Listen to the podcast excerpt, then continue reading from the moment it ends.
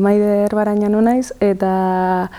eta bueno, ba, ikerketa proiektu honen bidez aztertu nahi dudana da konfinamenduan zehar sortutako zaintza sareak e, zergaitik e, sortzen diren eta ze faktorek egiten duten denboran irautea. Orduan, e, bueno, abiatzen naiz e, apur bat pentsatzetik zaintza sare hauek ez direla ez ere zean sortzen, baizik eta badaudela aurretiaz, e, ba, bueno, harreman batzuk, e, kapital batzuk eta botere batzuk finean, e,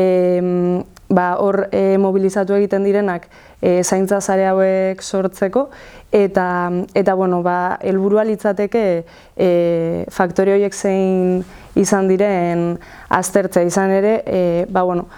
e, komunitate hauetan e, horrelako zaintza zareak sortzeko e, faktoreak zein diren e, aztertzea interesgarria iruditzen zait, e, ba, bueno, azkenean horrelako e, gizarte mugimenduak direnak edo e, gizarte antolaketarako formak errazteko baliabideak direlako eta eta kasu honetan e, espezifikoki zaintza zarei dagokionez, ba bueno, e, agian e, ulertzen e, hasi algarelako edo e, COVID-19aren e, krisiarekin eta zaintza krisiaren areagotzearekin e,